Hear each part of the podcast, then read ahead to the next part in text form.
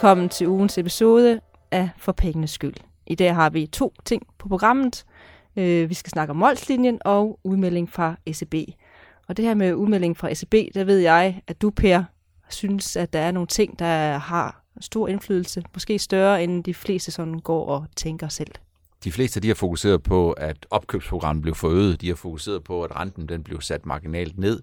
Man har kigget på, at der blev tilført rigtig meget likviditet, men der er en ting, som jeg tror, at investorerne har fokuseret lidt mindre på i forhold til den effekt, den både på kort og lidt og mellemlang sigt kan få på aktiemarkedet. Og det er noget af det, som jeg gerne vil fortælle lidt om senere i programmet i dag. Ja, Molslinjen. Øhm, vi har taget udgangspunkt i en, øh, en lytter. Jens Jensen har skrevet ind, og han kunne rigtig godt tænke sig, at vi snakkede om Molslinjen og det her med afnoteringen.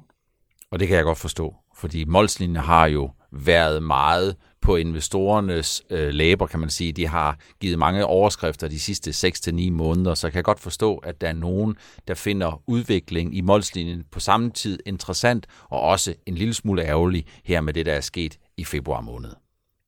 Ja, Per, kan du ikke starte med lige sådan kort ris op sådan historien, den korte version af, af Molslinjen? Jo, man kan sige, at Molslinjen øh, har undergået en meget stor forandring de sidste øh, 9-10 måneder, efter at kapitalfonden Polaris samlede øh, aktionærerne op i 2015. Det, der jo skete, det var, at Molslinjen havde øh, levet sådan en hensynende tilværelse. Molslinjen lå og blev handlet sådan i størrelseorden kurs 20 til kurs 30, og selvom man godt kunne se konturen af, at de lavere energipriser ville være godt for et selskab som Molslinje, hvor en så stor del af udgiftssiden jo handler om brændstof, jamen så var der ikke sådan for alvor nogen, der i starten af 2015 havde taget tilløb til at samle aktionærerne. Det gjorde øh, Kapitalfonden Polaris. De startede med at byde kurs 34, et bud, der senere blev hævet til kurs 40, og siden har, kan man sige, øh, har aktien stort set ikke set sig selv tilbage, og kursen toppede øh, for nogle uger siden i 97. Så historien om Molstin har været et selskab,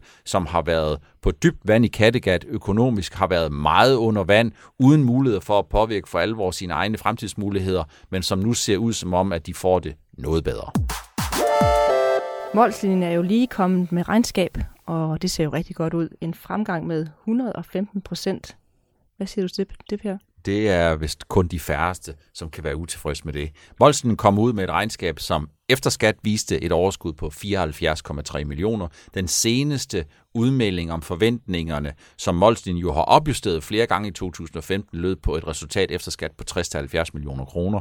Så for så vidt går 15, der kommer Molsen ud bedre end de opjusterede forventninger, de har haft. Så kommer de ud i 2016 og siger, at de forventer et overskud på 90-110 millioner kroner. De siger, at de for hele 16 har dækket deres brændstofudgifter af.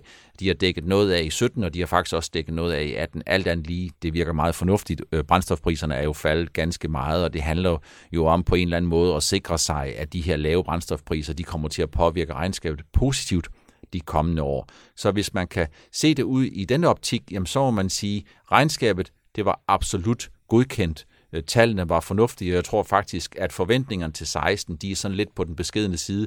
Og når jeg siger det, så er det ikke, fordi jeg tror, at brændstofpriserne de falder yderligere, som i øvrigt så heller ikke har nogen effekt, for de har dækket dem af, men det er fordi, den passagervækst, man budgeterer med, kun er nogle få procent, som ligger markant under det, som man opnåede i 2015. Så man kan sige, at regnskabet er godkendt, forventningerne er godkendt, men det har faktisk ikke sådan for alvor haft nogen indflydelse på aktiekursen. Og hvorfor har det ikke det, Per? Det har det jo ikke, fordi det, der er sket i Molslinjen den seneste måned, har vendt rigtig meget op og ned på øh, udsigterne. Det er jo sådan, at hvis man kigger på Molslinjen, jamen så har det jo været øh, Kapitalfonden Polaris med sin cirka 80% ejerandel, som har domineret overskrifterne, og som har gjort, at, at de private investorer, som er tilbage med de sidste 20%, er noget sure øh, på Polaris. Og det er jo fordi Polaris, Kapitalfonden Polaris, har haft held med øh, at få lov til, i hvert fald hvis det vi ved i dag står til trone og også ender med at blive det, som der kommer til at ske, og få lov til at afnotere målslinjen.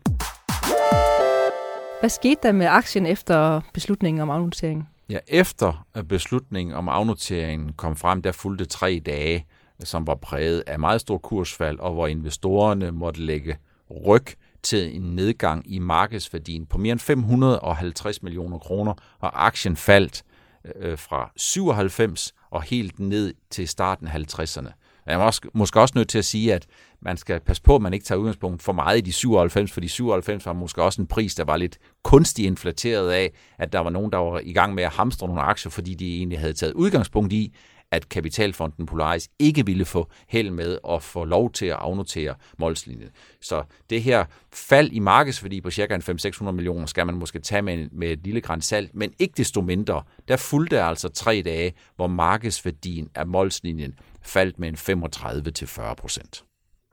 Ja, for det burde jo ikke have nogen betydning for selve værdien af virksomheden, sådan en afnotering. Som udgangspunkt betyder det ikke noget for selve værdien, men vi ved jo af erfaring, at når at forskellen mellem et selskab, der er noteret og unoteret, jamen der er der to ting, som spiller en meget væsentlig rolle. Den ene det er, at investorerne jo ikke i et unoteret selskab har den samme adgang og mulighed for at følge med i det daglige nyhedsflow, som man har, hvis selskabet er noteret. Og så den anden, jamen det er jo det rent konkrete. Der er en likviditetspræmie på at være noteret. Altså der er en likviditetspræmie på at have sværere ved at afsætte dine varer i dagligdagen, når det er sådan, den er unoteret i, i forhold til, når den er noteret. Når den er unoteret, så betyder det ikke, at der kun er én køber, fordi man kan sagtens forestille sig, at Molslinje bliver en unoteret aktie, så kan man i, så kan man i princippet se, om der er køber og sælger på øh, i et unoteret øh, klima, men det gør altså, at det bliver meget sværere at omsætte sine aktier. Så likviditetspræmien, jamen den skal man heller ikke kimse af. Den er altså betydelig, og det er i hvert fald noget af det, som investorerne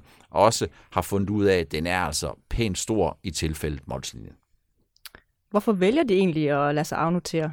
Jamen det gør de jo, øh, fordi normalt, når man ser en kapitalfond, så vil kapitalfonden gerne have lov til at udvikle selskabet selv, uden at de skal bruge tid og økonomi på at have et selskab i offentligt eje, kan man sige. Og det koster altså også penge at fortsat at være børsnoteret. Så når det er sådan, at kapitalfonden alligevel ejer 80% af selskabet, jamen så svarer det i kapitalfondregi jo faktisk sådan lidt til, at da kapitalfonden alligevel alt overvejende i, dagligdags, i, daglig, i de daglige beslutninger træffer beslutningerne selv, jamen så er der ikke nogen grund til, at det skal være sådan et offentligt eje. Så det er helt naturligt, at kapitalfonden tænker på den måde. Det betyder altså ikke, at jeg siger, at det er det rigtige, det der sker, men det er helt naturligt, at kapitalfonden de tænker på den måde. Det er os, der ejer hovedparten af det, så er det også os, der bestemmer, om det skal være børsnoteret. Nu siger du 80 procent, øhm, og det har jo også været virkelig noget, der er blevet snakket om, at den her betingelse for at blive afnoteret, der skal man jo eje 90 procent. Hvad, hvad tænker du om det, Per? Hvad skete der lige der? Jeg kan godt forstå, at investorerne de er overrasket og skuffet over, at det ser ud som om, at 80 er det nye 90. Hvis vi kigger tilbage i de ting, der historisk har været afgjort, jamen så har det været sådan, at den eneste grund til, at man kunne få et selskab af børsen, det var enten, at et selskab gik konkurs, det er ikke nogen særlig positiv udvikling, eller også, at et selskab bliver overtaget af et andet selskab, bliver overtaget af et andet selskab, således at der er en anden, der ejer mere end 90% af aktierne. For hvis man ejer øh, mere end 90% af aktierne, jamen så har man så en så dominerende indflydelse, at reglerne siger, at så kan man tvangsindløse de sidste 10 procent.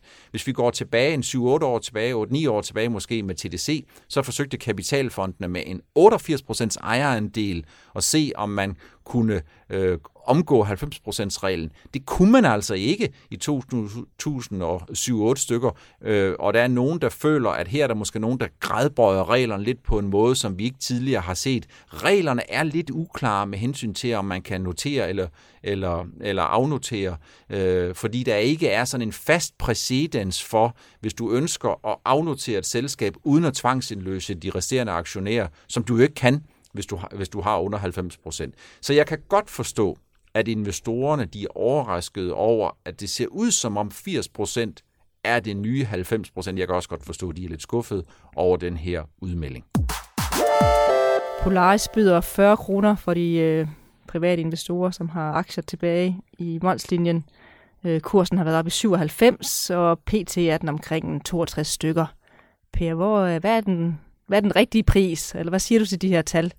Jeg ved jo ikke, hvad den rigtige pris er, men jeg vil gerne give mit bidrag til ligesom at afmystificere nogle af de der forskellige tanker, der har været om de her tre forskellige tal.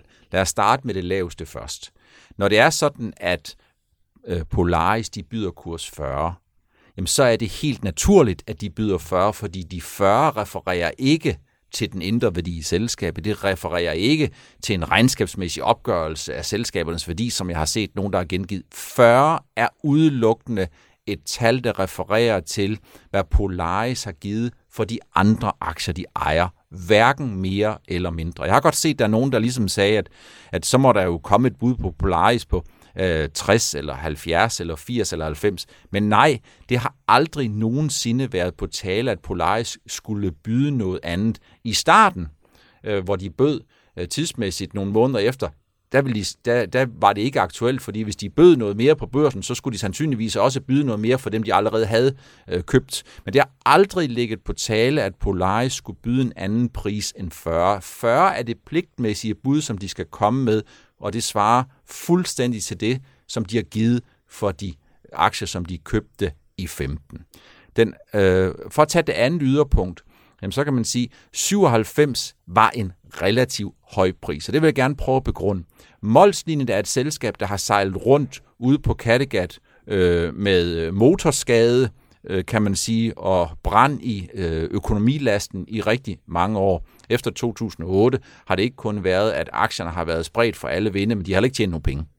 De har ikke tjent nogen penge, de har ikke nogen væsentlig egenkapital, de ejer ikke selv deres færger. Så man kan sige, hvis du tager udgangspunkt i kurs 97, hvad afspejler 97 så? Kurs 97 afspejler tæt på en markedsværdi på 1 milliard 350 millioner mål som aktierne. Hertil der skal du lægge den gæld, som Molsen har. Og igen, Molsen har stort set ikke nogen egenkapital. De har altså faktisk kun gæld. De har ikke tjent nogen penge i rigtig mange år, og de har faktisk regulært set ikke rigtig haft nogen mulighed for at bevæge sig rent økonomisk. De har ikke haft nogen mulighed for at købe nogle færger, for de har ikke haft nogen penge. Så man kan sige, hvis du til de 1 milliard 350 millioner skal lægge den gæld, de har, jamen så ender vi på det, der hedder en enterprise value, altså en værdi af det, som Molslinjen egentlig øh, er værd, hvis der var en, der skulle komme og købe det, på cirka 2 milliarder kroner. Og det er altså en meget høj værdi når du kigger i forhold til den indtjeningsevne, som Molslinjen har. 2015-regnskabet var inde på 74 millioner efter skat. Forventninger til 2016 ligger på omkring sådan midtpunkt af omkring 100 millioner kroner. Så når der er nogle mennesker, nogle investorer, der tager udgangspunkt i, at Molslinjen er, er meget billig målt på kurs 100, så er jeg nødt til at sige, ja, det vil sikkert være rigtigt, hvis det var sådan, at man kunne regne med, at hver eneste år, de kunne tjene 100 millioner kroner, og at de var normalt kapitaliseret med egenkapital. Det er de ikke. Så når folk de sidder og tager udgangspunkt i, at 97 det egentlig ikke var nogen speciel høj pris, så tror jeg faktisk, at de gør regning uden vært. Jeg, jeg kender jo selvfølgelig ikke øh, Polaris' intentioner her, men jeg vil tro, hvis der var nogen, der kom og blød, bød Polaris kurs 100 for deres ejerandel, så, var de, så synes de faktisk, det var en relativt høj pris. Så for lige at tage de to yderpunkter. Kurs 40, det er det pligtmæssige bud. Det er det, som Polaris har givet for de andre aktier. Kurs 97, jamen det var jo markedets vurdering af, at øh, der fortsat ville foregå en børsnotering, at de private investorer jo har svært ved at leve med, Mols, med øh, kapitalfonden Polaris som investor, men de kan faktisk ikke leve uden, og det er fordi, at det har jo været med til at være den her løftestang, der har gjort, at aktierne har ligget fast, og man ligesom havde en, en kapitalstærk partner med ombord. Så det er de her to yderpunkter. Midtpunktet i det her ting, nogenlunde midtpunktet, jamen det er markedsværdien det er de 60 eller de 62, som, øh, som aktiekursen sådan aktuelt ligger. Og hvordan, hvad skal man sige om det? Jamen, det er jo sådan, at når selskab bliver afnoteret, så bliver det jo ikke, der er jo ikke nogen, der er pligtige til at sælge deres aktier. Hvis det er sådan, at øh, selskabet er i god gænge, man får rekapitaliseret selskab, de får tjent tilstrækkeligt mange penge de kommende 1, 2, 3, 4 eller 5 år, jamen så bliver der mulighed for, at de får en normal kapitalstruktur, de kan betale nogle penge tilbage til aktionærerne, og spørgsmålet det er jo, om ikke, hvis man har en lidt længere sigtet horisont, at målslinjen af den vej kan gå hen og blive en udmærket og fornuftig investering øh, for de private investorer. Men Per, kan de ikke øh, risikere at blive tvangsindløst senere, hvis de kommer op på de her 90 procent? Jeg ved ikke, om det er en risiko. Når jeg siger, at jeg, ved, at jeg ikke ved, om det er en risiko, så er det, jamen risikerer at blive tvangsindløst. Man kan, jo, øh, man kan jo forestille sig øh, rigtig mange ting, men man kan ikke forestille sig, at kapitalfonden Polaris tvangsindløse til kurs 40. Altså man kan ikke købe aktier i markedet, kan man sige, til kurs 75, 80, 85, 90 og 95 eller 100, eller hvad det nu skulle være, og så vende tilbage og tvangsindløse på 40. Det kan man ikke. Så, sådan leger man altså ikke. På samme måde, som man heller ikke havde nogen berettiget forventning om, at Polaris skulle tvangsindløse til kurs 97, som ligger himmelråbende langt væk fra, hvor Polaris havde købt de andre aktier, ja, så er det også sådan, så kan man altså ikke stjæle de andres aktier. Så hvis det lige pludselig skulle være sådan, at man skulle tvangsindløses, jamen så kræver det nok, at Polaris skal købe nogle aktier på markedsmæssige vilkår, som kan være 60 eller 70 eller 80. Og der kan man sige, jamen der er risikoen for, at man bliver tvangsindløst jo alt andet lige noget mindre, fordi aktiekursen er højere, og der kan man sige, risikoen for noget, jamen det er jo altså en, sådan, hvad skal man sige, lidt ned, øh, et, et lidt negativt ladet ord, og den bliver jo mindre, jo højere prisen den egentlig bliver. Og nu til noget helt andet. Der var jo renteannoncering i ECB. Øhm, renten bliver sat ned, og øh, obligationsopkøbsprogrammet blev sat op fra 60 til 80 milliarder euro. Ja, man kan sige, at der var måske nogle investorer, som da torsdagen var forbi, var lidt skuffede. Og det var ikke fordi, at de ikke synes, at en forøgelse af obligationsopkøbsprogrammet fra 60 til 80 milliarder var et stort tal. Det var heller ikke fordi, at de ikke kunne se, at det, man nedsatte renten marginalt yderligere, kunne have en god signalværdi. Men, men øh, Draghi og ECB havde også noget andet med i tasken. For det første så sagde de, vi kan gøre mere, men det er ikke særlig sandsynligt, at vi kommer til at gøre mere. Og Det var sådan noget, som investorerne ikke var så vilde med. Det gjorde, at aktierne, de, der hvor, hvor stigningen så ud, som om den skulle være 2% på dagen, så sluttede den faktisk i minus 1, og den amerikanske dollar den fik en ordentlig ind på Sinkadusen, hvor vi også gik fra plus 1 til minus 2%. Fordi hvis man lukker døren med hensyn til at lave yderligere stimulans, så er det jo egentlig der, hvor investorerne har en tendens til at begynde at blive og flæbe lidt og blive noget, noget ked af det. Øh, men ECB skulle balancere på en delikat bum, og det synes jeg faktisk egentlig, de gjorde. Men det vendte jo alligevel, Per, øh, aktiemarkedet. De beslut ombestemte sig. Ja, man kan sige, at ECB ombestemte sig ikke, men aktiemarkedet ombestemte sig. For det første, så tror jeg, at man var lidt for harsk i sin vurdering af, hvad det egentlig var, ECB var kommet med. De var kommet med en nedsættelse af renten, og de var kommet med en forøgelse af opkøbsprogrammet. Samtidig skulle de signalere, at de gerne ville stimulere noget mere, uden at det udhulede bankernes indtjening. Hvis vi kigger på de seneste år, har det jo været sådan, når man satte renten ned, så havde det sådan en, eller man havde opfattelsen af, at det havde en stimulerende effekt i realøkonomien. Den har nu nok været relativt moderat, men det har i hvert fald haft sådan en stimulerende effekt i den forstand, at renterne er faldet, obligationskurserne er steget, og det har også trukket aktierne med opad. Men nu er man altså kommet til en situation, hvor renterne er så lave, at yderligere rentefald, jamen det æder meget hårdt ind i øh, pengeinstitutternes netto-rente- og gebyrindtægter, og det er ECB fuldstændig klar over, og det er fordi, hvis man handicapper bankerne yderligere på indtjeningen, samtidig med at man stiller yderligere kapitalkrav, jamen så får man altså nogle usunde banker, som er bange for at låne nogle flere penge ud. Altså ikke usunde i den forstand, at de bliver mindre sikre, men de bliver mere sikre, men tjener færre penge, og de skal hele tiden polstre sig. Og det er altså noget af det, som man ikke, øh, som ikke skaber en langsigtet vækst. Det er noget, som ECB var meget klar over, og det synes jeg faktisk, de var gode til. Men der var en ting mere, som jeg synes, man skal fokusere på. Og det er, at ECB samtidig annoncerede, at under den her, det her forøgede op, opkøbsprogram, som de forøgede med 20 milliarder fra 60 til 80, ja, der kan man nu også købe virksomhedsobligationer, som har investment grade, det vil sige en kreditvurdering fra Standard Poor's eller Moody's, eller hvem det nu end er, på minimum 3 gange B.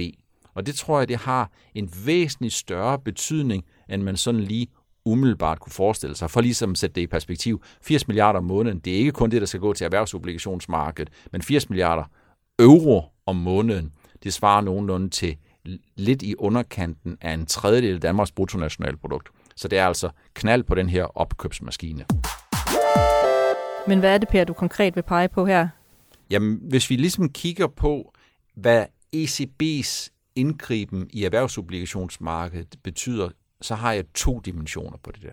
For det første, ja, så betyder det, at ECB nu også bliver købere af de her udstedelser, det betyder lavere renter i erhvervsobligationsmarkedet. Det betyder simpelthen, at virksomhederne får adgang til mere likviditet, de øger jo den samlede mængde af opkøb, samtidig med, at de kan låse deres rente fast på et meget lavt niveau det giver flere købere i erhvervsobligationsmarkedet, og det giver måske muligheder for at udstede på lidt længere sigte.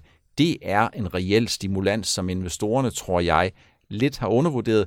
Det vi har set i kølvandet herpå, ja, det har været øget aktivitet på købersiden af erhvervsobligationsmarkedet. Jeg tror allerede, det har haft en positiv effekt på det, på det nedadgående pres på renterne. Det er den ene ting. Men den anden ting, det er måske noget, som bliver en lille smule nørdet, en lille smule teknisk, men jeg skal prøve at se, om jeg alligevel er i stand til at forklare det rigtigt. Når du har en virksomhed, som kan udstede obligationer til meget lave renter, jamen så er det sådan, at virksomheden de spørger sig selv, nu er det nu tiden til, at vi rykker lidt på kapitalstrukturen? Er det tiden til, at vi piller ved forholdet mellem fremmed kapital, som jo er erhvervsobligationer, og egenkapital, som jo i al væsentlighed godt kan være aktier? Og noget af det, som vi har set de seneste år i USA, ja, det har jo været, at virksomhederne kunne udstede erhvervsobligationer til meget lave renter med en meget lang løbetid.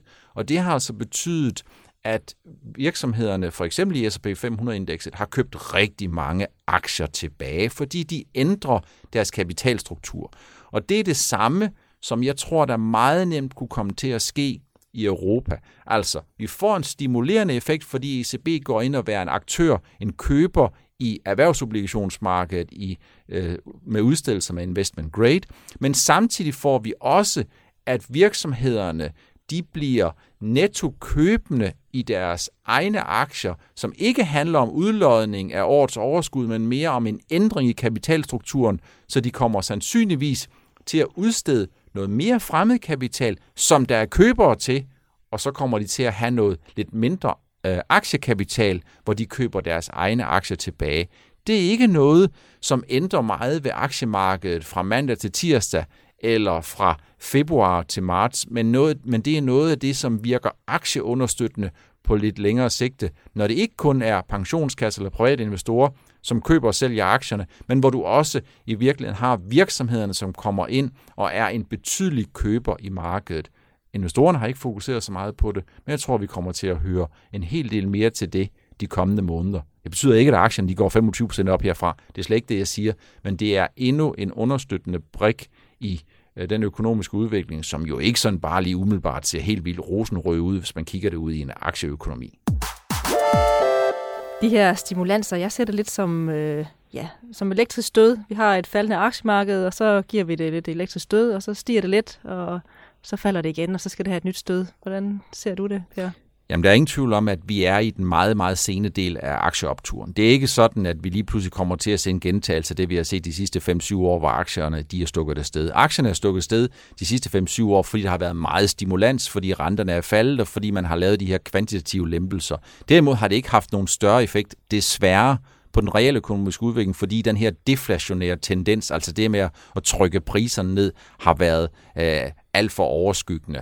Så jeg kan godt forstå din analogi med hensyn til en gang imellem, så er der nogen, ligesom nogle dyr, der går i en indhegning, så kommer det lidt for tæt på indhegningen, så får det lige et elektrisk stød, sådan lidt for, for, som, på den samme måde som investoren, der ligesom tænker, kan videre om aktien de går lidt lavere, så får de sådan lige lidt ny stimulans, de får lige lidt nyt at blive høj på, og så kommer vi egentlig tilbage til opturen. Jeg tror ikke, vi kommer tilbage til nogen stor optur. Jeg tror stadigvæk, det mest sandsynlige det er, at man i 2016, vi ender i positiv for året som helhed, men 2016 vil også blive et skuffende aktieår, Dels fordi investorerne har nogle forventninger, som er svære at indfri, og dels fordi, at investorerne sammenligner 2016 med de foregående 5-7 år, som jo i kølvandet på nedturen 2008-2009 øh, jo kommer til at blegne noget, øh, og en, en, en, en række aktier kan, kan godt gå hen og slutte på samme niveau. De kan også godt gå ind og slutte lavere end der, hvor de egentlig startede året. Så 2016 bliver skuffende. Man skal ikke jogge øh, risikospeederen helt i bund, hvis det er sådan, at man er en så lidt nervøs øh, øh, aktieinvestor, fordi afkastene de bliver skuffende i 2016. Det var alt, hvad vi havde valgt at bringe i ugens program. Vi vil selvfølgelig gerne stadig have noget øh, input spørgsmål på, på bloggen, eller på vores Facebook, eller direkte til Per på din Twitter. Det er rigtigt. I er stadigvæk meget velkomne til at skrive direkte til min Twitter-profil snabelag Per Nordnet. Og det er jo sådan, at de spørgsmål, som I kommer med, som for eksempel Jens Jensen kom med her, som jo dannede udgangspunkt for, at vi tog en gennemgang af udvikling i målslinjen, jamen det er jo de ting, som I er med til at prioritere, hvad det er, programmet skal handle om. Stop.